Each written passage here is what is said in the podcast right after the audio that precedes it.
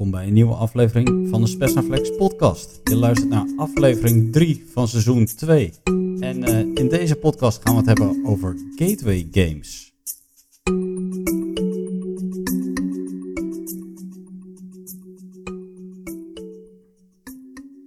We hebben weer een uh, verse aflevering voor je klaarstaan. En we hebben er goed zin in. Ik kijk Zeker tegenover weten. me. Ja, ja, ja. Ja, daar zit hij weer. William, Laat welkom. maar komen. Fijn dat je erbij bent, Wil. Heerlijk. Ik kijk naar jou, Wil. Geen grijze haren, geen rimpeltjes. Maar wel een jaartje ouder als ik het eh, goed heb begrepen. Ja, ik was al bang dat je met eh, van harte gefeliciteerd aan zou komen zetten of zoiets. Maar dat, dit valt nog mee. Je- Je was bang dat ik ging zingen. Nou, ik denk dat nog net niet. Maar ik denk je zet een of andere Bassin Adriaan of zo eh, aan voor mij. Oh, oh, daar ben je bang voor, begrijp Daar ben ik wel bang voor, ja. Ja. ja, helaas. We hebben het niet gevierd. Tenminste, niet met eh, de Special Flex genoten allemaal. Nee, nee, nee, nee, nee. Maar ik heb ze wel bereid gevonden om eh, iets voor jou voor te bereiden. Dus ga er maar eens even lekker voor zitten. Oh jee. ontspan en eh, laat het je welgevallen wat, eh, wat eh, je vrienden jou toe te wensen hebben. Ik zie die zenuw al een beetje op je gezicht staan. Daar komt Nou, Nou snap ik waarom je graag stenen tijdperk speelt. Het doet je aan je jeugd denken. Gefeliciteerd, gefeliciteerd. Oh, wat zijn we blij. Hey Wil, gefeliciteerd man met je 40ste verjaardag. Toch alweer een paar jaartjes eh, ouder als mij. Hopelijk kunnen we binnenkort weer een keer gaan boardgamen. En dan eh, heb je misschien nog eens een keer de kans om een eh, boardgame te winnen voordat je met pensioen gaat. Hey Wil, ze zeggen dat naarmate je ouder wordt, je ook beter in sommige dingen wordt. Ik hoop oprecht dat dat bij jou ook het geval is met boardgames. Want tot dusver was het niet zoveel. Nou, gefeliciteerd met je verjaardag. Weer een jaartje ouder. En hopelijk ook eh, een jaartje wijzer. Misschien moeten we je dit jaar maar een keertje laten winnen als eh, cadeautje. Ben je ook eens een keer. Erbij. Gefeliciteerd, gefeliciteerd. Oh, wat zijn we blij. Van harte gefeliciteerd Wil. Als je even één van die messen uit je rug haalt, dan kun je voor ons ook een lekker stukje taart opsnijden. Het is alweer een jaar voorbij. En voor de jarigen zingen wij. Gefeliciteerd, gefeliciteerd. Hiep, hoera. Nou, dat is toch genieten, hè? Wat, dit is, eh, het is jouw- superleuk. Ik heb gewoon helemaal last van mijn kaken van het lachen. wat jouw vrienden allemaal over je te zeggen hebben. Ja, nou ja, kijk, het is wel heel sportief dat ze me dit keer een keer gaan laten winnen. Ja, Dat vind ik wel heel fijn. dat is wel fijn. ja, dat is wel goed voor mijn ego. Dat is mooi. Ze hebben ook nog wat anders voor je geregeld. Ik ga het er even bij pakken. Een klein cadeautje ook nog eens een oh, keertje. jezus. Het houdt niet op. Nou, oh jee. Dit, eh, dit is echt top podcastmateriaal. Iemand die een cadeau gaat uitpakken. Inderdaad. Is goed ingepakt. Laten we het daarop houden. Het is, eh, voor de mensen die geen beeld hebben, het is iets te grootte van een boek. Er gaat nu gestippeld papier vanaf gescheurd worden. Het is net een kind die iets openmaakt. Hè? Ja. Niks netjes, scheur met je handen.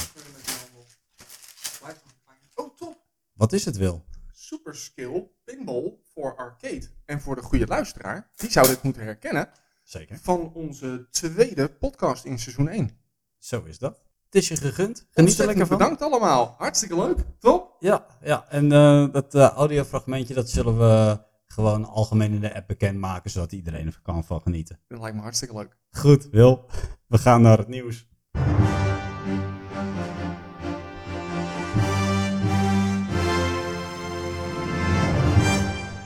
We hebben weer een hoop nieuws te vertellen. En laat ik beginnen waar ik eh, vorige keer geëindigd was. En dat was bij het hele VAT-BTW-verhaal. Nog steeds eh, radiostilte bij Cool Mini or Not. Daar hoeven we ook eh, waarschijnlijk niks van te verwachten.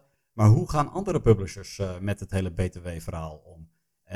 Gemengd, kan ik je vertellen. Want er zijn diverse publishers die er niks over melden en het ook niet in rekening brengen. En dan heb ik het onder meer over Bartsung van Steamforge Game. En ehm, eh, Fantasia Games, die heeft laatst ook geen BTW berekend. Dus daar gaat het in principe goed. En bij sommige Amerikaanse bedrijven zie je wel dat het apart vernoemd wordt dat er nog eh, belasting kan worden gegeven. Maar was bij Bartsung, die was toch al gesloten voor 1 januari? Ja, maar de, de Kickstarter uiteraard wel, maar niet de Pledge Manager. Ah, oké. Dus eh, geen, eh, geen BTW wat dat betreft. Ehm, wat er nog aanhangt eh, daarnaast is ook dat er toch een discussie is losgebarsten tussen Amerika en Europa. Ja. Waarbij Europa heel hard roept van ja, wij willen geen BTW betalen, want dat hebben we nooit eerder gedaan voor dit soort dingen. En Amerika zegt van ja, luister eens, wij zijn niet bereid om jullie BTW te betalen. Dus als jullie verplicht zijn om BTW te betalen, moet de publisher dat op jullie verhalen en niet bij ons komen ophalen. ja. En daar ligt die discussie nu een beetje. En publishers gaan daar op dit moment verschillend mee om. Is wel wat voor te zeggen, denk ik hoor. Want ehm, op het moment dat jij hier in Nederland iets koopt, is het toch bij wijze van spreken goedkoper of duurder dan in het buurland. Helemaal mee eens. Ik denk ook dat de Amerikanen net even iets meer om op te staan hebben dan de Europeanen. Dus ehm, Ook dat volgens mij is het kansen, kansen geen ongelijk. aandeel in de Kickstarter wel meer Amerikaans dan Europeaans. Ja, wisselend. wisselend. Ehm, ik heb begrepen dat jij wederom nieuws hebt meegenomen. Ja, Willem. ik had zowaar ook maar eens een keer nieuws. En eh, dit sluit aan op onze vorige podcast, Vertel. namelijk het digitale boardgamen. Want we hebben namelijk de eerste semi-consolidatieslag. We mogen het officieel niet zo noemen, Oké. maar Asmodee Games die gaat samenwerken met Board Game Arena. Althans, zo noemen ze het. Ehm, de werkelijkheid is volgens mij wel ietsjes anders, want er is wel wat geld over de tafel heen gegaan. En op dit moment mag Board Game Arena nog wel alles zelf bepalen. Ja. Maar ja, dit is natuurlijk de eerste stap. En er zijn ook wel wat publishers die op Board Game Arena zitten met games. Ja. En die maken zich nu wel grote zorgen over hun namen die op een platform zitten van een andere publisher. Oké, ja. Dus we gaan eh, ontdekken wat dat betekent. Want aan de ene kant is het denk ik wel positief. Namelijk, het digitaal boardgamen wordt serieus genomen door de publishers. Juist. Want Asmodee Games is geen kleine publisher. Nee, integendeel. Ehm, en te- daarnaast is het ook een risico. Want eh, ja, nu zit de eerste grote jongen die zit op een vrij groot platform. En ja, in het slechtste geval wordt het een exclusive platform. En dat betekent dat eh, jonge publishers die hun eerste games eh, alleen bijvoorbeeld digitaal willen uitbrengen, ja, eh, niet meer aan de bak kunnen komen op dit platform. Ja, ja, ja. Of naar Tabletop Simulator over zouden Ja, gaan. precies. Maar het is natuurlijk maar net de vraag wanneer de volgende daarop gaat inhappen. Ja. ja, of dat Asmodee opnieuw de portemonnee gaat Bij trekken. wijze van spreken, ja. Oké. Ehm, ik heb ook nog meer nieuws en dat gaat over IDW Games. IDW Games zou je meer kunnen kennen eh, van games zoals de Teenage Mutant Ninja Turtles. Ze waren regelmatig op Kickstarter te vinden met de projecten. En daar komen toch wat eh, negatieve geluiden vandaan. Het eerste was van Pete Walsh. Pete Walsh is daar een van de kopstukken die erg nauw betrokken is bij het ontwikkelen van games. En Pete Walsh heeft aangegeven dat hij eh, de firma gaat verlaten. En Pete Walsh kun je wel een beetje vergelijken met de Eric Lang van Cool Mini or Not. Dus Hm. echt een belangrijke, belangrijk persoon verlaat de firma. En dat was niet het enige. Kort daarop kwam eigenlijk het tweede negatieve bericht naar buiten. En dat is dat de release van Metal Gear Solid gecanceld is. Het was een game die men eh, al eerder in ontwikkeling had, die men ook op Kickstarter heeft eh, gebracht. Die game werd goed gefund, was in ontwikkeling, maar hij eh, is afgeblazen. En wat daar, eh, wat daar het vervolg gaat zijn, dat is onduidelijk. Metal Gear is natuurlijk een eh, ja, IP van. Konami en eh, daar zal best wel geld voor betaald zijn. De gameplay die zag er ook best solide uit in dit hele Kickstarter project. Maar ehm, ja, er wordt getwijfeld over de haalbaarheid van de miniaturen bijvoorbeeld die erin zaten. En of daar niet te veel kosten mee gemoeid waren. De, de poppetjes, zeg maar, dat viel allemaal wel mee. Maar er waren ook bijvoorbeeld hele helikopters in miniatuur. En dat is vrij kostbaar om dat allemaal te gaan maken. Dus of daar een, eh, een tweede Kickstarter tegenaan wordt gegooid. Of hoe dat eh, een vervolg gaat krijgen, dat is eh, tot op heden nog onduidelijk. Maar vooralsnog gecanceld, Metal Gear Solid. Dat betekent ook dat de mensen hun geld kwijt zijn. Ehm, weet ik eerlijk gezegd niet. Nieuws is vrij vers, dus dat heb ik nog niet gecheckt om heel eerlijk te zijn. Oké. Nou, dan laat ik het eh, tweede nieuwsitem dan maar eventjes voor, mijn, voor mijn neus nemen. En dat is dat wij gaan eh, onze Spetsnaflix eh, podcast in twee delen. Namelijk, ehm, we gaan het hoofdonderwerp eh, houden zoals het nu is. En het Kickstarter nieuws, dat gaan wij een apart onderwerp maken. Dus op deze manier proberen we de Kickstarter, of de Kickstarter, proberen we de podcast wat meer te stroomlijnen. En het Kickstarter nieuws wat meer aandacht te geven in een aparte podcast. Ja, exact. Exact wat ik altijd wel zegt. Kickstarter komt wel aan bod. Gewoon elke twee weken. Alleen we zullen het nu in vogelvlucht doen. En dan over twee weken wijden we daar eh, nader over uit. Ja. Over Kickstarter gesproken. De crowdfunding eh, project op dit moment. Starten we traditiegetrouw met de campagnes die afgelopen zijn. Primal is afgelopen. Meer dan 2 miljoen euro opgehaald. Een eh, mooi detail van Primal is dat er nu ook een nieuwe game komt, gebaseerd op de videogame Monster Hunter. Daar leek Primal natuurlijk erg op. Dus eh, daar komt eh, nu ook nog eens een keer Monster Hunter binnenkort bij. Eh Rune Lords hebben we vorige keer genoemd. Die campagne is gecanceld. Vraag is of die überhaupt gaat terugkomen. Human Punishment, The Beginning is afgelopen. Die game heeft het gehaald. Heb ik overigens ook gefund. En Bloodstone is gecanceld de afgelopen periode. Dus dat zijn de projecten die voorbij zijn. Lopende campagnes, net, eh, lopend net afgelopen is Forest of Rot Ghost. Die, eh, die heeft het, eh, of die gaat het zeker halen. Kingdom Rush loopt op dit moment nog. De campagne loopt tot 4 maart. De funding goal is reeds gehaald. Terraforming Mars Ares Expedition. Nou, Wil kan zijn hart weer ophalen. Funding goal is gehaald. De campagne loopt tot 5 maart. Zombicide Undead or Alive van Cool Meteor Not. Nou, die campagne loopt tot en met 11 maart. Ook die funding goals reeds gehaald. Ruimschoots zijn al voorbij anderhalf miljoen of iets Ja. dergelijks. En eh, tot slot de interessante campagne die loopt is van Root. eh, Root the Marauder Expansion. Dus een aanvulling op de base game. Die eh, campagne loopt tot en met 16 maart. En ook daar is de funding goal reeds gehaald. Dan komende campagnes wil. Dat zijn er heel wat volgens mij. Dat is toch nog een aardig lijstje, ja. Vertel eens, wat mogen we verwachten? Oh, Mythic Battles Pantheon, 23 maart. Robinson Crusoe, eh 23 maart op GameFound. Ja. Eh, Super Fantasy Brawl rond eh 2 maart op Kickstarter. Round 2. Oh, sorry, Round 2 op Kickstarter Ja. in maart. Eh Everdell in maart op Kickstarter. The Witcher, The Old World op Kickstarter. Nog onbekend, waarschijnlijk in mei. Eh The Elder Scrolls 5, de board game op GameFound. En Down to Hell, de board game op Kickstarter. En als laatste, Stellaris. Kijk, toch wel een favootje van ons. Yes. Ook nog eens een keer. Wanneer die komt is nog onduidelijk, maar eh, het is wel aangekondigd. Dan gaan we door. Topic van de maand. Yes. Zo snel kan het dus gaan Ja, met ja, ja, eh, ja, ja. Kickstarter-campagnes. eh. we hebben het over gateway games deze aflevering, Wil. Ja. Gateway games, wat zijn dat eigenlijk?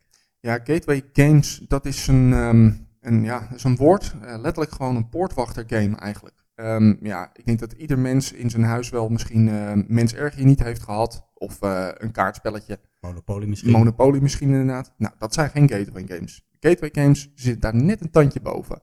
Als je die games leuk vindt, dan kun je ook geïnteresseerd zijn in de games die wij wat vaker hier behandelen. Hè, De wat uitgebreidere games. Nou, we hebben straks een lijstje voor je van een aantal gateway games. Wat maakt het nou een gateway game? En als je die game leuk vindt, wat zou je dan eventueel leuk kunnen vinden in die lijn? Ja, ja, ik sluit me helemaal aan bij jouw uitleg. Inderdaad, het ligt net iets boven het eh Intertoys niveau, zullen we maar zeggen. Tenminste, ja, Intertoys stapt nu ook wel een beetje eh, in die markt van boardgames. Maar eh, net, net een beetje boven dat hele casual gaming. Ja. Maar het lukt ook alweer om die game binnen een half uurtje uit te leggen en een eerste play met eigenlijk iedereen te doen die ook maar een beetje interesse heeft in die game. Je Ja. hoeft echt niks, geen verstand te hebben van boardgames. Je Nee. hoeft wel niet de termen te kennen of wat dan ook. Je kan zo meespelen met die game. Maar Frank, hoe ben jij nou eigenlijk in die boardgame scene terechtgekomen? Oh, dat is best wel een lang verhaal. Maar eh, dat begon op een dag dat ik bij Dennis over de vloer kwam en een pakje Magic the Gathering eh, daar zag. En Magic the Gathering is absoluut geen gateway game, maar eh, ja, voor mij eigenlijk uiteindelijk wel. Want dat heeft me zo in die wereld getrokken. Die, die artwork vond ik zo vet en het was zoiets anders dan hetgeen wat ik kende. Want van huis uit kende ik eh, ja, Monopoly, pesten, klaverjassen, dat soort spelletjes. Ja. En het was iets totaal anders. Echt mind-blowing van wat er wel niet mogelijk was in die, eh, in die wereld.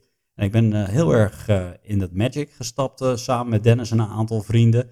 En van daaruit zagen we ook wel van, nou, Magic is niet voor iedereen even toegankelijk. En toen ben ik eigenlijk begonnen met kolonisten van Catan als eigenlijk een echte boardgame. Ja. En het voordeel daarvan was ook van ja, als je mensen die er nog niet zo erg in zaten, die konden best wel makkelijk aanhaken, omdat het een gateway game Ja, was. Dus, ja. eh, dus zo is het eigenlijk begonnen. En van daaruit hebben we een eh, vrij uitgebreide collectie opgebouwd. We hebben soms eens een keer wat dingetjes verkocht en zijn weer nieuwe dingen gestart en zijn er ook weer uitgestapt. En nou ja, dat is een heel lang verhaal. Daar hou ik graag voor eh, een keer de origin story. Ja. Maar Magic the Gathering en kolonisten van Catan ja, staan toch wel aan de basis van, eh van Spesnaflex, eh wat dat betreft. Leuk. En ja, goed, we hebben een lijstje met, met games gemaakt. Jij Ja. zei het. Waarmee anders kan ik beginnen dan met kolonisten van Catan in dit verhaal. Dat wordt vandaag de dag nog altijd uitgegeven door 999 Games. En wat is kolonisten van Catan? Ja, het is een resource management game. Eh, je bent eh, bezig om overwinningspunten te halen. Dat doe je door te koloniseren. Je bent eh, op een eiland en dat eiland bestaat uit verschillende landschapstegels. En elk soort landschapstegel levert een bepaalde grondstof op. Je hebt Ja. bossen, die leveren hout op. Je hebt bergen, die leveren erts op. Nou ja, enzovoorts. En met een verzameling aan verschillende grondstoffen kun je verschillende dingen bouwen. Net zoals dat je bij Monopoly geld betaalt voor een huisje of een hotel. Zo kun je hier steden bouwen en dorpen bouwen, wegen bouwen enzovoorts. Ja. En ehm, elke, elk onderdeel levert een x aantal punten op. En eh, heb jij uiteindelijk die puntencap gehaald, dan ben jij winnaar van die game. Het werkt eh, eigenlijk best wel goed. Die eh, landtegels, daar ligt een nummertje op. Je gooit met twee dobbelstenen elke beurt. En de grondstoftegel met het corresponderende nummertje, dat levert grondstoffen op. Ja. Nou ja, je gooit met twee dobbelstenen, dus alles rondom de 7, behalve de 7. Die leveren dan eh, meestal de meeste grondstoffen op. Hè. Dat wordt het meest frequent gegooid. Ja. Dus eh, op die landjes wil je zitten. En eh, als je dat succesvol doet, dan, dan win je de game. Ja, en bij de 7 krijg je die struikrover en die is heel vervelend. Ja, ja exact. Ja, dat klopt, klopt als een bus. En ehm, ja, die, die, die game, die basis is heel solide, dat zie je ook. Want kolonisten van Catan, ja, de base game, die, die is daarna nog heel veel malen uitgebracht met allerlei expansions. Wij zijn er ook in een aantal gestapt. We hebben onder meer Steden en Ridders hebben we gespeeld. Dat eh, ja, maakt het iets meer echt wel een ehm, ja, iets hoogwaardigere game, zeg maar. Eh, maar je hebt ook eh, expansions voor vijf tot zes spelers. eh, ja, historische scenario's op Ja. een gegeven moment. Niet alles was even geslaagd qua expansion, maar er is een veelvoud van spullen beschikbaar in ieder geval in die markt. En ehm, ja, eh, nogmaals, ik, ik denk het aardige van deze game is, eh, iedereen snapt het eigenlijk bij de eerste 10 minuten uitleg en je kunt gaan spelen. En dat, eh, dat kwalificeert het voor mij heel erg als, als gateway game. En Ja. ehm, het is ook leuk, de trade zit erin. Dus je hebt veel interactie met spelers ook. Het, Ja. zo, ja, zo ben je gewoon bezig om, om dat te bouwen. Het leeft ook heel erg op je tafel. Het ziet er goed uit. ja, kan, kan, het, kan het beginnende spelers zeker allemaal aanraden wat dat betreft. Als je dat nou tof vindt, ja, dan, dan, dan kun, je, kun je wel een stukje verder natuurlijk. Hè. Stel dat je kolonisten van Catan hebt gespeeld en je hebt daar een positieve ervaring mee. Dan zijn er wel andere games die daarop lijken en die er eh, iets aan toevoegen. Of die wat meer naar het mid-level, high-level game gaan, zeg Ja. maar.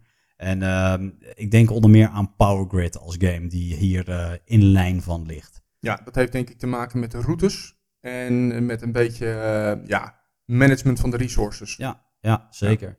En eh, daarnaast wordt er ook een veilingssysteem aan toegevoegd, zeg maar. Dus het is nog weer een laagje bovenop eh, de game.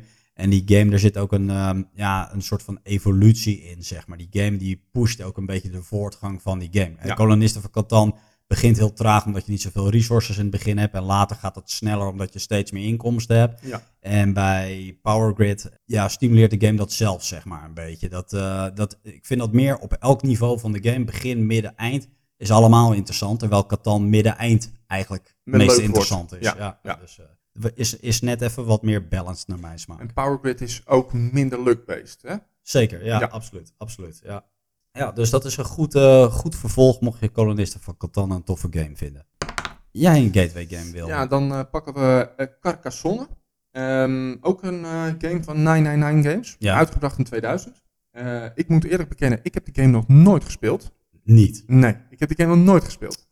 Ja, het is heel triest. Eh, ik heb wel meerdere gateway games gespeeld, maar dit is er geen een van geweest. Het is ook wel een oudje hoor, trouwens. Het is niet in mijn jeugd voorgekomen. Eh, het is een tile placement game waarin je een landschap opbouwt met wegen, kloosters en steden. De spelers verdienen overwinningspunten door bouwwerken te voltooien en deze te claimen met hun meeples.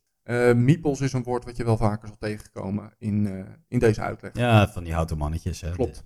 Ja, de- deze heb ik ook gehad. Dit was eigenlijk het vervolg voor mij op eh, kolonisten van Catan. Niet qua complexiteit, want misschien is die game stiekem misschien nog wel iets simpeler dan eh, kolonisten is. Ja? Maar eh, ja, dit, dit stopte ik gewoon in de koffer op weg naar vakantie en dat ging gewoon mee. Zo, zo hoekt. Zo bracht jij jouw, jouw, jouw vakanties door. Ja, zeker. Niet aan het strand, maar Nou, dat ook, dat ook. Daar Maak je geen zorgen. Maar dit, dit werd s'avonds nog wel eens een keer op tafel gezet om te gaan spelen. Ja, zeker. Erg lichte game. Tenminste, licht in die zin van, eh, ja, er is weinig voor nodig. Dit leg je echt binnen vijf minuten uit en je bent aan het spelen. ja. En die diepgang, die zit er zeker ook wel in. Want eh, als je een beetje op eh, YouTube gaat zoeken, dan vind je echt zelfs kampioenschappen Carcassonne. Dat? En het gaat er echt fors aan toe. Je lijkt, het lijkt soms wel of je naar een schaakwedstrijd zit te kijken. Oké. Het is wel meer luck-based, hè, dan schakel ik dat voorop stellen. Maar het wordt, wordt heel serieus genomen, laat, ik het, laat ik het zo stellen. Ehm, vind je dit een toffe game? Wat, wat, wat ligt hier in lijn van, Wil? Ja, in, in de lijn van deze game, eh, daar ligt eh, Patchwork, Ja. Azul Mhm. en, eh, nou ga ik het proberen uit te spreken hoor, Neuroshima Hex. Ja, dat, dat klopt als een bus inderdaad. En dan ga ik je nog een, ehm, een voorspelling doen. Geen van deze drie games heb ik gespeeld. Oh, oké. Nou, dat, dat kan me wel voorstellen, want dit, Patchwork en Azul zijn toch allebei ook wel redelijk simpele games. Patchwork is een 1 tegen 1 game, toch? Ja, dat klopt inderdaad. En Azul is meer een eh, taal-based game, dus dan moet je patroontjes ook proberen te maken Ja. en zo. En als je dan eh, dingen aansluitend kan maken en zo, levert het allemaal weer meer punten op. Klinkt Dus, een klein beetje als Calliope. ja, ja, ja. Er zijn meerdere van dit soort games, maar dit zijn, dit zijn vrij populaire games op Board Game Geek bijvoorbeeld. En Neuroshima Hex, dat is wel iets meer voor de geavanceerde gamer. Je bouwt als het ware een soort van leger op met verschillende eenheden. Dus je hebt bijvoorbeeld schutters, je hebt close combat fighters, we- eh, nou, noem het allemaal maar op. En zo bouw je dat op en dan op een gegeven moment trek je een tile en dan vindt er een battle plaats. En eh, afhankelijk van hoe die tegels tegen elkaar aanliggen, eh, slaat de ene eerst tegen de ander enzovoort enzovoort. Krijg je een soort van veldslag. Ja. Dan bouw je weer opnieuw op, krijg je weer een veldslag en zo gaat dat volgens mij drie keer achter elkaar. En, best wel een interessante game. Doet wel eens denken aan die, ehm, aan die spelletjes die je vroeger had als minigame in computergames. Bijvoorbeeld Final Fantasy had ook zo'n spelletje. En dan had je een soort van mini-kaartspelletje. Daar, daar lijkt dit vaag een beetje op. Eh, best, wel, best wel geinig, zeg maar. Of je dit echt ehm, op je zaterdagavond op tafel zet met eh, zes spelers eh, en dan twee uur doden. Dat is misschien net even too much. Maar dit is wel, heeft wel net even wat meer body dan een patchwork en een azul bijvoorbeeld. Ja. Oké, ik, zie, ik zie dit volgende titel. Ja, daar moet ik zeggen, daar heb ik wat minder ervaring mee. Ik heb hem alleen op de iPad gespeeld, maar jij hebt hem ook op boord gespeeld. Ticket to Ride, Ja. 2004 uitgebracht. Eh, publisher Days of Wonder. Dit is een game, ik denk, nou niet een aparte klasse, maar ik kan hem niet zo snel in een bepaalde categorie plaatsen, laat ik het zo zeggen. Maar deze wordt echt wel vaak genoemd ook als eh, gateway game. Ja, deze game. ja, ja. Dit is een, een game waarbij je eh, kaartjes verzamelt. Kaartjes die, eh, waar een trein op staat ehm, en met een kleurtje. En dat kleurtje dat correspondeert met een train track. Want jij gaat proberen, jij krijgt kaartjes aan het begin van de game met daarop twee locaties. En die moet je met elkaar zien te verbinden. Niet per se via de kortste route, maar verbinden. Ja. Dus dat kan zijn dat je Amerika bij spreken met Europa moet verbinden. En dan ga je dwars door Rusland heen. Ja, kon niet anders. Tegenstander had al een route eh, bezet die het kortste was. Juist. Dus korte route maakt niet uit, maar je moet puntjes verzamelen. En dat doe je dus door kaarten te trekken met een bepaalde kleur die corresponderen met spoor. Nou, dan heb je een joker, die kun je overal voor inzetten. Je hebt ondergrondse sporen, bootjes, je hebt allemaal uitbreidingen ook nog eens een keertje. Ja. Hele leuke game om te spelen. Echt Mhm. wel een hele leuke gateway game. Ehm, maar hij is wel een klein beetje repetitief op een bepaald niveau. Ja, ja, dan moet je echt wel aan de add-ons allemaal, aan de expansions zeg maar, om Ja. een beetje de variatie te Ja, vinden. voor, voor de casual gamer is dit echt heel goed te doen. Eh, en ik denk echt dat je er heel veel plezier uit kan halen. Maar wil je op een gegeven moment een niveautje hoger, dan zou ik dat wel begrijpen. Ja, ik heb, ik heb er nog een soort van subtip bij. Eh, mocht je een speelgoedbibliotheek in, eh, in je dorp hebben zitten, dan eh, ga je deze game daar ook vaak vinden. Oh, dat geloof ik wel, ja. Want eh, dit is iets wat eh, iedereen ligt. Het is ook een hele bekende titel, mocht je er nog nooit van gehoord hebben. Maar En dit, zoveel uitbreidingen. Je struikelt erover op ja, straat. Ja, exact. Als je dit nou een toffe game vindt, waar, hoe, hoe zou je verder de hobby in kunnen komen? Nou, als je dit een toffe game vindt, in lijn vond ik het best moeilijk om een goede game te vinden. Ja. Want het is best wel, wat ik al zei, een apart genre. Ja, best wel uniek best wel uniek inderdaad, ja. Ehm, dus je komt een klein beetje in de treinachtige games terecht, vrees ik. Eh, dan had ik eh, Turn and Texas. Oké, Eh, die ken ik niet. Trans-America en Age of Steam. Nou, Age of Steam is dan wel een iets bekendere game als het hier om gaat. En het is allemaal een beetje track-based. Proberen te connecten van bepaalde landjes. En sommige iets meer, ja, allemaal routespellen. En sommige iets meer diepgang met het bouwen van steden en zo onderweg. Oké, oké. Nou, hartstikke goed. Gaan we door. Dan staat hier Dominion. Dat is een spel waar we allebei ervaring mee hebben. Ja. Het Dominion klassificeert zich als een eh, hele traditionele deckbuilder. Eh, je hebt een deck met kaarten. Dat deck bestaat uit geld en uit punten. En uiteindelijk is het de bedoeling om aan je deck meer punten toe te voegen. En dat doe je door kaarten te kopen met het geld wat ook in je deck zit. En dat kun je doen in een marketplace. Dat is een, eh, ja, een tableau zeg maar, waar een x aantal verschillende soorten kaarten liggen. En eh, die kun je kopen. Alleen dat moet je wel overwogen doen. Want als je te veel victory points meteen in je deck stopt, dan ga je je deck heel erg stroperig maken en dan loopt het niet meer. Maar doe je dat te weinig, ja, dan verlies je de game en dan heb je de kans dat de tegenspeler straks meer victory points heeft dan jij. Dus dat is een, eh, een fijne balans die er in die game zit en die het eh, ook zo leuk maakt. En je hebt er heel veel variatie in. Je kunt het, die marketplace eigenlijk opbouwen zoals je wil. Dus de ene keer stop je de kaart A, B, C, D in en de volgende keer weer E, F, G. En nou, zo kun je eindeloos variëren. Er zijn hier ook uh, duizend en één verschillende uitbreidingen voor, voor die game om het continu maar interessant te houden. Wil, doe ik de game tekort of klopt dat zo wat ik zeg? Nee, ik denk dat je hem heel goed hebt benoemd.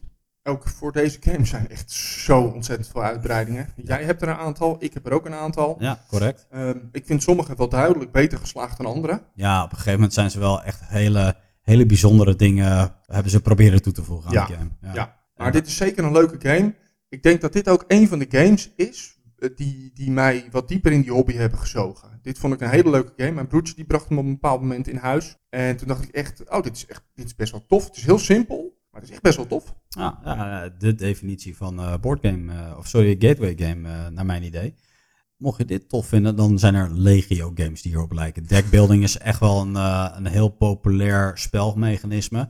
Sommige games die uh, gebruiken het echt als de game zelf. Hè. Dominion is daar een voorbeeld van. Het is deckbuilding en that's it. Ja. Maar je ziet ook in andere games dat dat een onderdeel van de totale game is. Dus deckbuilding is een dingetje, maar de deck functioneert weer om bijvoorbeeld stappen op het bord te doen en Ja. hele andere dingen, zeg maar. Ik zie hier opgeschreven door jou Xenoshift. Ja. Xenoshift is een deckbuilder die nog redelijk dicht bij Dominion ligt, zeg maar, qua, qua werkwijze. Eh, natuurlijk zijn er wat, eh, wat eh, andere regels, wat andere toepassingen. Maar ehm, jij hebt ook, of sorry, ik heb ook de Great Western Trail opgeschreven. Dat ligt er al iets verder vanaf. Clank ligt er ook al iets verder vanaf. Maar eh, wij spelen ook eh, games als Tainted Grail bijvoorbeeld. Eh, dat is ook ergens een deckbuilder. Alleen je gaat daarnaast nog heel veel andere dingen doen met het deck wat je hebt gebouwd. Ja, nu je dat zegt, denk ik ook meteen aan Iederfields inderdaad. Is ook een deckbuilder. Eh, Mage Knight is eh, ook een deckbuilder. Eh, ja, zo zijn er heel veel eh, games die heel dankbaar gebruik maken van dat mechanisme wat Dominion eigenlijk ooit heeft uitgevonden. Ja. Dus eh, mocht je dit tof vinden, dan, eh, dan, eh, dan zijn er nog een halve spellenzaak te koop, zou ik bijna Ja, zeggen. dat- dat aan, is wel waar, ja. Aan dit Ja. soort zaken. Ehm, De volgende game, ja, vertel. Weerwolven. Oh, ook een leuke Ook een oudje. Ja, zeker. Ehm, en volgens mij heeft eh, 999 Games een soort van een eh, eh, alleen recht op Gateway Games wat. Nou, lijkt er wel Ze op, komen ja. er wel heel vaak in voor. Zeker. Ehm, een game uit 2003. Eh, ja, dit gaat over Wakkerdam, zoals dat dan heet. Ehm is een, een beetje een aparte game. Eh, want een groot gedeelte van de game doe je met je ogen dicht. Ehm, je bent in een redelijk groot gezelschap zijn, wil je de game echt leuk kunnen spelen. Eh, ik heb deze game heel veel gespeeld eh, een aantal jaren geleden. Ehm, dan moest ik elke zomeravond moest ik naar mijn neef toe. En dan zaten we daar met z'n dertien om de tafel. En dan waren we die game aan het spelen. Er staat er volgens mij ook op het doosje van 8 tot 18 spelers. Ja, Ja. Maar ik moet wel zeggen dat met een grotere groep is die echt wel leuk. Ja. Ehm, waar gaat het over? Er zit een, eh, ja, je zit met z'n dertien bijvoorbeeld aan tafel en er zit een x aantal weerwolven tussen jullie in. En die gaan eh, mensen opeten. En Dat eh, wordt gedaan aan de hand van een verteller. Die vertelt wat dus de, de, wanneer mensen gaan slapen, wanneer de bepaalde mensen wakker worden, wanneer de mensen niet wakker worden. Nou, er zitten allerlei verschillende types in. En ja, het is het doel van de weerwolven om al- alleen over te blijven. En het doel van de mensen om eh, de weerwolven eruit te halen. Maar je mag niet met elkaar praten. Nee. Dus eh, ook niet wijzen, niet zijnen, helemaal niks. Je, moet, eh, je hebt alleen het moment dat je mag stemmen. Als zijnde de mensen. En dan, dan mag je praten. En dan mag je bijvoorbeeld zeggen, nou, ik heb, denk dat die en die het is. En dan moet je vooral proberen, als je een weerwolf bent, niet de verdenking op jezelf te halen. Nee, nee, precies. Iemand anders de verdacht te maken. ander te maken. Ja. Hele leuke game. En ja, eh, het kost ook echt niks deze game. Nee, voor 11 euro heb je hem in huis. Heb je hem in huis, ja. Ja. ja. Het enige nadeel, grote spelersgroep is benodigd. Ja, eh, dat, eh, dat ben ik met je eens. Deze, deze game zou je kunnen typeren als social deduction of trader co-op. Dat noemen wij ook wel eens. Die termen gebruiken we een beetje door elkaar heen. En ja, dit, dit is daar het schoolvoorbeeld van een game ook weer die dit eigenlijk als enige mechanisme zo'n beetje gebruikt. Net zoals Dominion eigenlijk puur 100% deckbuilder is, is dit puur 100% social deduction. Ja. En ja, dat mechanisme zit ook in andere games. En dan zie je vaak van ja, het maakt of een iets kleiner onderdeel of iets groter onderdeel uit van de game. Maar eh, Shadows over Camelot is bijvoorbeeld echt een eh, klassieke social deduction slash trader co-op game bijvoorbeeld, om maar wat te noemen. Die hebben wij niet in de collection. eh, collectie. Ik ga er helemaal Engels van praten. Maar we hebben wel andere games die het wel gebruiken. Dead of Winter is daar een goed voorbeeld Ja, van. Ja. je werkt samen om een kolonie te beschermen tegen zombies. En er kan ondertussen iemand in jouw gelederen zitten die helemaal niet wil meewerken eigenlijk stiekem. En met, met de nadruk op kan, want dat hoeft dus niet. Nee, nee, dat maakt het altijd spannend, zeg maar. En daarom noemen wij dat ook wel semi-co-op. Omdat, ja, de ene keer is het wel full co-op en de volgende keer Ja. zit er een trader tussen. Nemesis is daar ook een voorbeeld van. Eh, ja, andere setting met aliens en dergelijke. Wel ook wel andere goals in de game om te behalen. Maar er kan ook weer een trader tussen zitten. Human Punishment, eh, de game die net eh, voorkwam in eh, het Kickstarter-rondje. die heb ik gebackt, mede omdat het ook een social deduction game is. En Ja. ja, vind ik best wel tof eigenlijk. Ja. Dus er, ook op dat vlak zijn er best wel wat, wat games beschikbaar.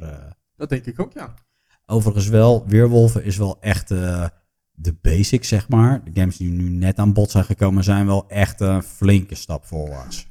Ja, zeker als je het hebt over eh, ja, human management, eh, de, de beginning kan ik er nog niet over zeggen. Maar ja, Nemesis is niet een game waarvan ik zeg, nou, die moet je even op tafel zetten met een beginnende spelersgroep. Nee, plus eh, je hebt het ook over eh 11 euro net van eh, Weerwolven. en eh, ik denk dat je Nemesis, als je 90 euro ervoor betaalt, dat je, dat je een goede koop hebt gedaan Ja, zelfs. ja, ja, ja. Dus eh, ook dat is wel iets om te overwegen. Maar Shadows of Camelot, uit dit rijtje in ieder geval, is de meest logische in vervolg qua complexiteit en dergelijke. Dus eh, mocht je het tof vinden, check die. Dan op het lijstje Pandemic. Zal ook niet eh, heel veel mensen onbekend in de oren klinken. Pandemic is een eh, coöperatief strategiespel. Dus in tegenstelling tot de voorgaande games, ja, Weerwolven is een beetje een tussenliggertje. Maar is dit iets wat je dus volledig samenspeelt? De bedoeling is om ja, het spel te verslaan. Daarin zijn een viertal virussen die je moet bestrijden. Je moet de populatie gezond proberen te houden, terwijl je op zoek bent naar vaccins voor die virussen. En die game die wordt gedreven door twee dekjes met kaarten. Eén dek met kaarten, dat zijn de besmettingen. Dus je draait er een om en er staat Londen op, of San Francisco, of Bogota. En nou, daar moet je bepaalde besmettingen uitvoeren. Bogota. Da- dat zei ik. en eh, aan de andere kant heb je kaarten voor de speler zelf. En die geven de kans om naar steden toe te reizen, maar ook steden te genezen. Je moet setjes met kaarten dan proberen te verzamelen. Door die onderling ook uit te wisselen. En als je die setjes op een gegeven moment hebt, dan kun je de vaccins uitvinden. En zo probeer je die game te verslaan. En die game, ja, tof aan die game is dat hij ook een beetje. Ehm, hij wordt na gelang van tijd wordt hij wat moeilijker steeds. Je Mhm. kunt- en ja, je zal steeds meer tempo moeten maken om uiteindelijk ook die, eh, ja, om die game te winnen. En dat, eh, dat doet die game echt heel tof. De mechanismes in die game zijn super sterk. Het is doodsimpel. Als je Londen hebt, er liggen twee blokjes op. Dat zijn, eh, ja, die markeren eigenlijk de hoeveelheid virussen die daar zijn of hoe besmet men is. Komt er een derde blokje bij, is er nog niet zo heel veel aan de hand. Maar als er dan een vierde blokje bij komt, dan krijg je een zogenaamde uitbraak. Mhm. En dan verspreidt dat virus zich over alle steden die gelinkt zijn aan Londen. En zo eh, kan het dus heel hard gaan. Je kunt een soort van ketting-effecten krijgen, zeg maar, van, eh, van uitbraken. Juist. En eh, dat probeer je zo goed mogelijk te voorkomen eigenlijk in die game. Oké. Dat die game ijzersterk is, bewijst ook weer hoeveel uitbreidingen ervoor zijn geweest. En eh, deze game die speel ik ook best wel vanaf het begin. Niet zo vroeg als Catan, zeg maar, maar ook best wel van het begin. En vandaag de dag speel ik hem nog steeds. Maar In dat is voor vorm. een legacy vorm. En zo goed is die game. Die mechanismes zijn dus zo sterk dat ze die game nog steeds interessant weten te houden. Ja. En daarmee ja, staat deze game eigenlijk nog wel boven die andere games. Want Catan, daar is, ja, ben ik wel een beetje de interesse voor verloren inmiddels, zeg maar. Maar deze game, ja, het is gewoon fantastisch. Ze Blijft doen het echt supergoed. Dus ehm, eigenlijk vergelijkbaar met wat, eh, wat Wil net ook zei, van eh, voor Ticket to Ride was dat. Ja, welke games mogen zich vergelijken met die game? Het is best wel uniek. Ik heb er wel een paar gevonden. Forbidden Island is daar bijvoorbeeld één van. Die lijkt wel heel erg sterk op deze game. Oké. Eh, het is wel eh, beter goed gejat dan slecht bedacht, zou ik bijna zeggen. Eh, Flashpoint is er ook een. Dan ben je een brandweer en dan, dan moet je brand bestrijden dat zich kan uitbreiden en dergelijke. Lijkt ook wel erg sterk op deze game. Mm, Iets, iets origineler dan Forbidden Island. En ik denk ook van ja, als je nou wel wat anders wil, wat hier een beetje op lijkt, nou hou je vast. Ik dacht aan Zombicide. Ja, ik zag hem hier op het lijstje staan en ik zat te denken, ja, hoe komt hij daar nou bij? En ik kan me er voorstellen dat je denkt van, nou oké, er zijn verschillende spawnpoints en je kan, er kunnen spawnpoints bijkomen doordat er bepaalde monsters op het bord komen die een spawnpoint voor, verzorgen. Waarbij je dus steeds tegen een, groot ste- tegen een steeds grotere kluwe moet vechten. Ja. Ehm, dus dat zie ik wel. Aan de andere kant is het natuurlijk een hele ander type game. Ja, dat wel, ja. Maar ehm, eh, zeker hoe dat virus zich gedraagt en hoe dat steeds sterker wordt na gelang de game vordert. Ja, dat Eh, dat, dat herken je heel erg in Zombicide ook. Dus Ja. die, die zombies in het begin is het allemaal, ja, is allemaal en slijt stil tot moe, zeg maar. Maar hoe verder je komt, hoe meer het te worden, hoe sterker ze worden. Ja, Dat klopt. De variëteit wordt groter. En ehm, dat vind ik heel herkenbaar. Bovendien ook, deze game Pandemic is een van de games... Ja, misschien een beetje in Weerwolven vind je dat ook. Maar dan heb je hele asymmetrische rollen. Dus de een Ja. kan een wetenschapper zijn en de volgende kan een medic zijn. En dat is toch wel ook wel een soort van kenmerk wat je wat in de gevorderde games eh, gaat Ja, zien. ja. En eh, ja, dat, dat- in uh, Zombicide zie je dat, Dat ook. zeker Dat, zo, eh, de ja. ene is long range en de andere is close combat bijvoorbeeld. Dat, Klopt. eh, dat, dat vind je daar ook in terug. Ja, ik denk voor velen kan dit een eh, enorme gateway game zijn. Of dat je een totaal nieuwe ervaring gaat vinden in Forbo- Forbidden Island en Flashpoint. Nou ja, dat vraag ik mij af. Zombicide in zeker, eh, zeker weten wel. denk is wel wel, echt ja. wel een Ja. andere game die een, eh, een hele andere twist erop kan geven, denk ik. Gaan we door naar de volgende. En dat goeie. is eh, Dixit uit 2008. Ehm, ook een redelijk vruchtbaar jaar volgens mij 2008. Eh zal de voor mij al de derde game die eh, uit 2008 komt. Ehm, Ja, inderdaad, Van ja. Games. Ja, dit is eigenlijk een beetje een social deduction game. Eh, dit, gaat, eh, dit, dit is een beetje een arty-farty game, moet ik meteen bij zeggen. Ehm, beetje. je krijgt een, eh, een, een, een zwikje kaart in je handen. En ja, je speelt met zeg maar even vijf spelers. Eén iemand die begint. En die zegt van, nou ja, ehm, even voor het idee, Spongebob. En dan moeten andere mensen moeten een kaart op tafel leggen waarvan zij denken, dit heeft iets met Spongebob te maken. En dan vervolgens eh, moet de speler daar, even uit mijn hoofd eh, links van, die moet dan gaan bepalen welke kaart degene is die heeft gezegd van SpongeBob. Nou, dan moet je dus gaan gokken. Hoe meer mensen het goed gokken, hoe meer punten jij krijgt als zijnde... eh, nee, sorry, dat zeg ik verkeerd. Als jij in ieder geval één iemand hebt die op jou stemt, dan krijg jij punten. En als, eh alsgene die het moet voorzeggen, krijg je uit mijn hoofd drie of vier punten. Oké. Maar de spelers die een kaart neerleggen die misschien meer met SpongeBob te maken hebben dan jij dat hebt ge- gehad, die krijgen voor elke stem die zij op hun kaartje hebben, één punt. Dus het kan zo zijn dat jij weliswaar gewonnen hebt doordat er iemand op jou heeft gestemd, maar dat iemand anders verder naar voren gaat omdat hij meer stemmen heeft gekregen. Ehm, je mag het niet te makkelijk maken. Dus je mag niet bijvoorbeeld precies zeggen wat er op die kaart staat. Nee. Want als iedereen op jou stemt, heb je het te makkelijk gemaakt, heb je geen punten. Oké. En andersom ook, als niemand op je stemt, heb je ook geen punten. Dus er zit een soort van thin line in. Maar ja, ga maar eens wat verzinnen. De kaarten zijn echt de meest rare art die je kunt verzinnen. Ja, het is niet echt voor de hand liggend Het is totaal niet voor de hand liggend. Het maakt het wel eh, een game die ontzettend grappig is om bijvoorbeeld te spelen met een borreltje op. Want iedereen is dan wat losser en je ziet dingen die je misschien helemaal niet hebt gezien. En het is wel een game waarbij je echt heel vaak in een deuk ligt. Ja, het is jammer dat wij bijna niks drinken. Dus dat, Nee, ja, nee, dat klopt. is niet echt voor ons weggelegd, dit verhaal. Dat klopt. Ehm, ik, denk wel, ik denk wel dat je, ja, wat ik zeg, eh, het moet je een klein beetje liggen. Als je deze game uit de kast wilt trekken in een, in een, in een winkel, ja, ik denk niet dat ik dat zelf ooit zou hebben gedaan. Ik speel hem wel met heel veel plezier, moet ik zeggen. Ehm, wat ligt er nou een beetje bij in het verlengde? Ja. het heeft een soort van een volwassen broertje, dat heet Mysterium. Ja, dat is wel een, eh, een volwassen broer eigenlijk Ja. gewoon. Eh, het gaat over een moord oplossen. Het werkt een klein beetje in hetzelfde principe, namelijk ook weer met een beetje hints geven en dat soort dingen. Ja, niet eh, recht voor zijn raap vertellen waar het op staat, maar Precies. meer eh, hints daar naartoe geven. zeg Ja, exact.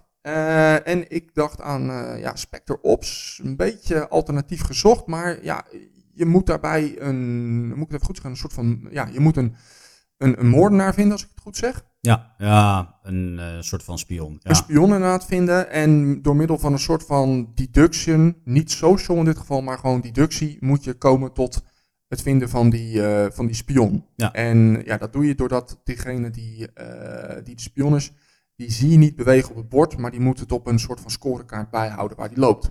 Ik, eh, ik vind het wel een hele originele overstap. Ik snap, wel, ik snap het vergelijk wel. En ik, ik, vind ook wel sterk dat... ehm, dus dat is ook wel een stap opwaarts in het boardgamen. Ja. Zonder dat het nou een overcomplexe game is. eh. Ja. ja, ja, oké, tof. Hey, maar die Dixit, dat, ik vind je dat echt een, eh, een gateway game? Ja, ik denk het wel, want het is, het, wat ik zeg, heel veel mensen zullen het niet op tafel zetten, omdat ze het ook niet zo snel kopen. Ik denk toch wel dat, je, dat als je het ziet en je moet het een keer gespeeld hebben, kun je het leuk vinden. Ja. En ik denk dat dat, dat wel een, een dingetje is. Ik denk dat menig mens die het speelt, die kan het wel grappig vinden. En, en wat ik zeg, als je dan net even op een gegeven moment zegt van nou, ik heb het nu drie keer gespeeld, ik vond het wel aardig.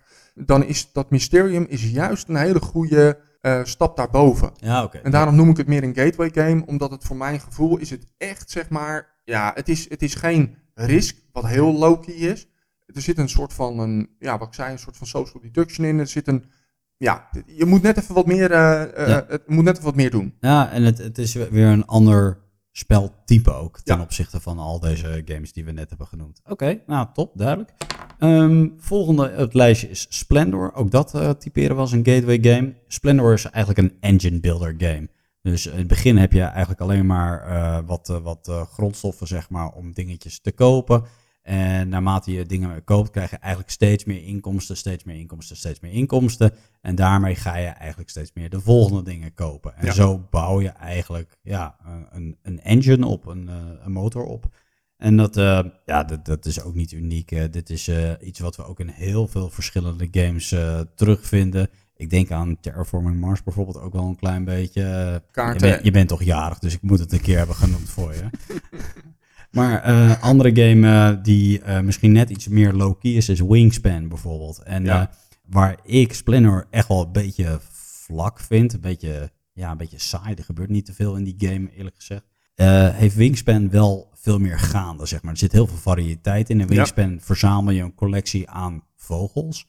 En die vogels die hebben allemaal unieke eigenschappen. En er zit echt, er zitten niet 100% unieke vogels in, zeg ik even uit mijn hoofd. Maar er zit zoveel variëteit in dat het eh, bijna een onmogelijke opgave is om twee dezelfde vogels op jouw eh, tableau te bouwen.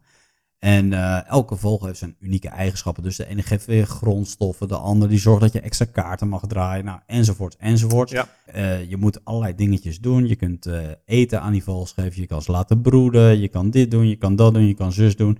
En daarmee heb je heel veel variëteit wat je kan doen. Eigenlijk elke keer is een, een keuze hoe dat jij je engine optimaliseert. Ja. En dat vind ik bij Splendor minder het geval. En daardoor denk ik dat Wingspan de interessantere game is van die twee. Ja, ja, kan ik me wat bij voorstellen. Dan gaan we door naar eh, het Stenen Tijdperk. Een veel gehoorde naam. Ook weer uit 2008 en ook weer door 999 Games. Ja, dat brengt jou terug naar je jeugd, hoor ik net. eh. 2008, ik hoorde net dat ik 40 werd.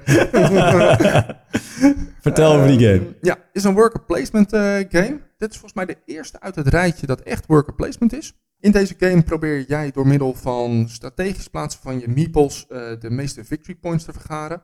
Je moet een klein beetje geluk hebben, want eh, een beetje als met kolonisten van Catan, er komt ook een stukje dobbelwerk bij. Ehm, elke grondstof heeft een bepaalde waarde die je moet dobbelen. En ja, ehm, je kunt er soms misschien vijf meeples opzetten, dan mag je vijf dobbelstenen gooien. Mhm. Ehm, bijvoorbeeld goud is eh, een zesje. Moet je in totaal zes ogen hebben gegooid. Maar ja, je kan ook maar net aan vijf keer één gooien. Heb je geen goud verdiend. Wel vijf meeples eh, eh, naar zijn grootje geholpen voor een Ja, ronde. precies. Ja. Dus ehm, je moet een klein beetje luk hebben erbij. Maar hoe win je nou die game? Nou, er zijn verschillende manieren. Je hebt de gewone kaarten. Er komen elke ronde komen er een, liggen er een viertal kaarten waarop je kunt bieden Mhm. Één grondstof, twee grondstoffen, drie grondstoffen, vier grondstoffen. En eh, daar staan bijvoorbeeld icoontjes op. Nou, je, eh, elk icoontje, hoe meer icoontjes je, verschillende icoontjes je hebt vergaard, hoe meer overwinningspunten. Ehm, je kunt hutten kopen voor je mensen. En die hutten staan ook weer voor een bepaalde waarde. Je kunt eh, de meeste meeples bijvoorbeeld bij elkaar zien te halen. En dan heb je kaartjes waarop een mannetje staat. Ja. En hoe meer meeples je hebt, dan mag je die scoren keer twee, keer drie, keer vier tellen. Ehm, zo zijn er heel veel wegen die naar, eh, naar Rome leiden. Het is een hele leuke game om gewoon te spelen. Ik heb hem laatst met de uitbreiding gespeeld. Dat kan ik je echt afraden. Oké. Daar wordt hij onwijs stroperig van. Ja. Er komt namelijk een vijfde speler dan bij. Oké. En ook een grondstofvorm bij. Ja. Nou, ik vond echt dat de downtime dan heel erg lang werd. Eh, op zich is de downtime, vind ik, helemaal niet zo eh, lang bij deze game. En je Hm. speelt best wel met veel plezier. Ja, waar kun je dat nou mee vergelijken? Ik heb een, eh, een drietal namen voor je. Ja. Viticulture. Ja. Dat is eigenlijk voor mijn gevoel een redelijk gelijkwaardige game. Ja, Eh, in de zin dat het is ook worker placement. ja Ehm, zeker. Het is wel zonder dobbelstenen, dus Sebas kan zo hard weer op. Ehm, anno 1800, deze game die moet nog uitkomen in eh, de Engelse taal. Hij is wel in de Duitse taal. Maar is ook, het is ook een beetje resource management. Dat is deze game tenslotte ook. Ja, En dan als laatste Brass Birmingham. Dat is eigenlijk een klein beetje als anno 1800, maar net iets meer gangbaarder, denk ik. het is ook net een beetje wat je tof vindt qua setting. Hè? Allemaal Ja. worker placement, industriali- industrialisatie. Zo, Industrialisatie. dankjewel. Dat is Brass of Birmingham. Eh, anno 1800 is meer met, die, met scheepvaart en Ja. dergelijke. En eh, viticulture is uiteraard ja, wijn verbouwen. Ja, hè, druiven en wijn maken. Ja, oké, tof. Ehm, Seven Wonders, eh, laatste op het rijtje. Oh, het is ook een, eh, een zeer bekende titel. Dit is eh, een van de recentere Gateway games uit 2010. Het is van Repos Productions. En dit is een drafting game. Wat is dat? Je probeert door middel van kaarten, probeer jij punten te vergaren. En aan het begin van de game krijg je een setje met kaarten en dan mag je één kaart uithalen. En of je pakt de kaart die gewoon voor jouw situatie het beste is, of je pakt een kaart die heel erg eh, goed zou zijn voor je tegenstander. En daarmee blokkeer je eigenlijk hem van zijn strategie. En zo geef je die kaart door. eh, en dan mag je steeds een kaart pakken, zeg maar. En zo bouw je uiteindelijk, in dit geval, aan wereldwonderen, aan monumenten en dat soort dingen allemaal. Seven Wonders doet dat, eh, doet dat heel verdienstelijk. Dit is een game die heel erg hoog op eh, Board Game Geek staat en ook erg makkelijk wegspeelt. En we zien eh, dat drafting principe ook wel weer terug in verschillende games. Eh, Ja. Bij Seven Wonders is het echt wel, ja, het mechanisme is de game. Net zoals Dominion, ja, deckbuilding is de game. Ja. Dat geldt hier eigenlijk ook wel heel erg sterk. Maar vind je dit nou een toffe game, dan eh, denk ik onder andere aan Blood Rage, waar ook het drafting verhaal in zit. Ja. Maakt een kleiner onderdeel uit van de game, maar wel een wezenlijk onderdeel Ja. sowieso. Dus ook hier kun je wel verschillende kanten mee opgaan. En wat, wat, wat leuk is aan deze lijst, tenminste vind ik, is dat het zijn allemaal best wel verschillende spelmechanismes. Ja. Maar gelijktijdig eh, zijn het allemaal gateway games. Het is allemaal een Ja. enorme toegankelijkheid om, eh, om die games te gaan spelen en verder in die hobby eh, te komen. Ja, aan een gateway game zit niet een bepaalde type. Nee, nee. Dat heb je nu gehoord. eh, het kan van links naar rechts. Het maakt echt niet uit. Nee, nee. Als we nou een gateway game op tafel gaan zetten vanavond, wat, wat zou het voor jou moeten worden van dit lijstje? Goh, ja, dan zou ik toch gaan proberen voor een game die ik nog niet heb gespeeld eigenlijk. Oké, Ehm, dus dan zou ik eh, ofwel die Carcassonne wel willen proberen. Maar eigenlijk, ja, eh, Pandemic. Pandemic. Ja, Ja, ja, en dan het liefst ook de legacy versie natuurlijk. want Nou, jij bent nee. tegenwoordig zo'n campaign speler, jij. ja nee, nee, nee, nee. Dan ga ik wel eerst even voor de base game. heel goed. Heel En voor goed. jou? Ehm, ja, ik vind eh, Dominion. Dominion heeft het qua setting niet voor mij, zeg maar. Het is heel, het is heel droog. Het is, ja, het is eigenlijk bijna saai, zou ik bijna zeggen. Maar het mechanisme is zo verslavend om dat te spelen. Dat Ja. ja. ja, Dominion is gewoon eh, is en blijft een hele toffe game om te spelen. Ik denk trouwens dat Dominion ook echt een leuke game is voor met je kinderen. Nou, ik denk dat er wel meerdere tussen zitten die, eh, die tof zijn om met kinderen te spelen. Dit, dit misstaat zeker niet in je spellenkast. Eh, Nee. Misschien niet voor die hardcore gamers die hierbij over de vloer komen. Maar eh, voor al die andere mensen kan je deze games pakken, op tafel zetten. Binnen een half uur ben je aan het spelen. Helemaal mee eens. Mooi. Nou, dan, eh, dan gaan we afsluiten eh, met een aantal tips nog, eh Wil. Ja. Tenminste, heb je tips meegenomen? Want Ik de vorige keer was het weer moeilijk, hè? Ja, ja, ja, ja, ja. Nee, ik, ik struikelde afgelopen week over de tips. Dus ik, ik dacht van, nou ja, ga ik er nou maar meteen zes inzetten? Toen dacht ik, nee, oké, nu ga ik ze een keer sparen. Heel goed. Ehm, Vertel, wat heb je voor moois? Ik heb met ontzettend veel plezier gekeken naar de serie The Handmaid's Tale. Oké. Dus ik moet in dit geval ook tegen jullie allemaal zeggen, blessed be the fruit. Ja, dit gaat over een, eh, dit is een serie over het Amerika. Ehm, en er is een soort van een religieuze opstand geweest. Ja. Ehm, het is, wordt heel moeilijk om kinderen te krijgen. En dat zou volgens de religieuzen een straf van God zijn. Dat is niet alleen in Amerika zo, dat is over de hele wereld zo. En in Amerika staat een organisatie genaamd Gilead op. Ja. En eh, die gaat ehm, eigenlijk eh, ja, heel rigoureus te werk. Alle vrouwen die een kind hebben gekregen, die worden opgesloten. En die worden gewoon ja, misbruikt om kinderen te maken. En ze gaan proberen die kinderen te verhandelen aan, in de wereld eh, voor eh, eten en andere grondstoffen. Ehm, Klinkt als een goed verhaal. ja, het is, een, het is echt een ontzettend goede serie. Eh, een beetje duister. Het heeft iets weg van The Walking Dead. Ja. De, de hoofdactrice, die, ehm, eh, die ken je mogelijk van een andere serie. Ik kom eventjes niet op de naam, maar het is over een reclamebureau. Onwijs, echt een onwijs goede serie. Eh, er zijn nu drie seizoenen heb ik ervan gekeken. Ik heb ze met twee weken heb ik alle eh, afleveringen eh, bekeken. Je hebt lekker gebinged, begrijp ik. Ontzettend gebinst. Het is wachten op seizoen 4. Dat moet dit jaar uit gaan komen. En ik kan niet- echt niet wachten. En dit kijk je op Eh, dit kijk ik op, eh, op Videoland. Videoland. Ja. Oké, perfect. Een Goeie. Ja, ik, ik heb nog meer kijkmateriaal helaas. Ik, ik heb ook een serie meegenomen in, eh, in deze. En dat is eh, Lupin. Lupin is een eh, Franse Netflix-serie en het gaat over Hassan eh, Diop, als ik het goed zeg. En hij is een eh, zogenaamde gentleman inbreker. En hij volgt het, het boek van, van Arsène Lupin als inspiratie om allerlei inbraken te organiseren. En die, die serie begint spectaculair met een inbraak in het Louvre, waar hij op zeer geraffineerde wijze uiteindelijk een, een ketting gaat stelen. En ehm, ja, het, is, het, doet, doet sterk vermoeden aan eh, Ocean's Eleven, eh, hoe, alles in beeld is gebracht. eh. het, is, het, is licht, het is niet, niet, niet hele zware actie of hele zware dialoog of zo. Je kijkt er best wel lekker doorheen, maar het is zo vermakelijk, het is zo leuk gedaan en het is ook gewoon origineel. Ik heb, eh, ja, ik heb me er echt goed mee vermaakt en ik ken weinig vergelijkbaar materiaal. Tenminste, Ocean's Eleven en dat soort dingen moet je een beetje aan denken. Maar dan in stijl, geraffineerd. Alles wordt goed voorbereid voordat er inderdaad zo'n Mhm. enorme inbraak gaat plaatsvinden. En je wordt er helemaal meegenomen. En aan het eind denk je echt van... Oh, hoe heeft hij dat allemaal geflikt, jongen? Dat is super, super gaaf. Dus eh, een, eh, een mooie aanrader op Netflix. Er staan nu een aantal afleveringen op. Want het was de bedoeling dat eh, de volledige Season 1 in de zomer zou komen. Maar Netflix kon blijkbaar niet wachten en heeft nu al een x-aantal afleveringen erop gezet. Ik meen een stuk of 4, 5 op dit moment wat erop staat. Dus eh, ga dat checken. Goed. Voel je nog steeds een beetje jarig, eh, Wil? Of eh, is het nu inmiddels wel afgesleten allemaal? Nee hoor. Nee? Is, ik voel me hartstikke jarig nog steeds. Je voelt je hartstikke jarig. Ontzettend bedankt. Nou, nou, ik hoop dat dat taartje dan zo meteen nog gaat komen, want ik heb nog steeds niks gezien. Maar ik bedank iedereen wederom voor het luisteren. Wij zijn er dus over twee weken weer in plaats van over een maand. Ja. Dan duiken wij dus verder in die eh, eh, crowdfunding campagnes allemaal. En dan eh, horen we weer graag terug op de podcast of op YouTube. Helemaal goed. En we hopen dat jullie de volgende keer weer gezellig aanwezig zijn.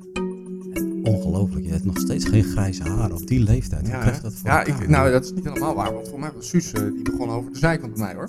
Het wordt toch een beetje dunner allemaal. Ja, denk je? Eh, Ja, nou, dat, dat heb ik wel eerder gehoord inderdaad, van de kapper. Ja, ja.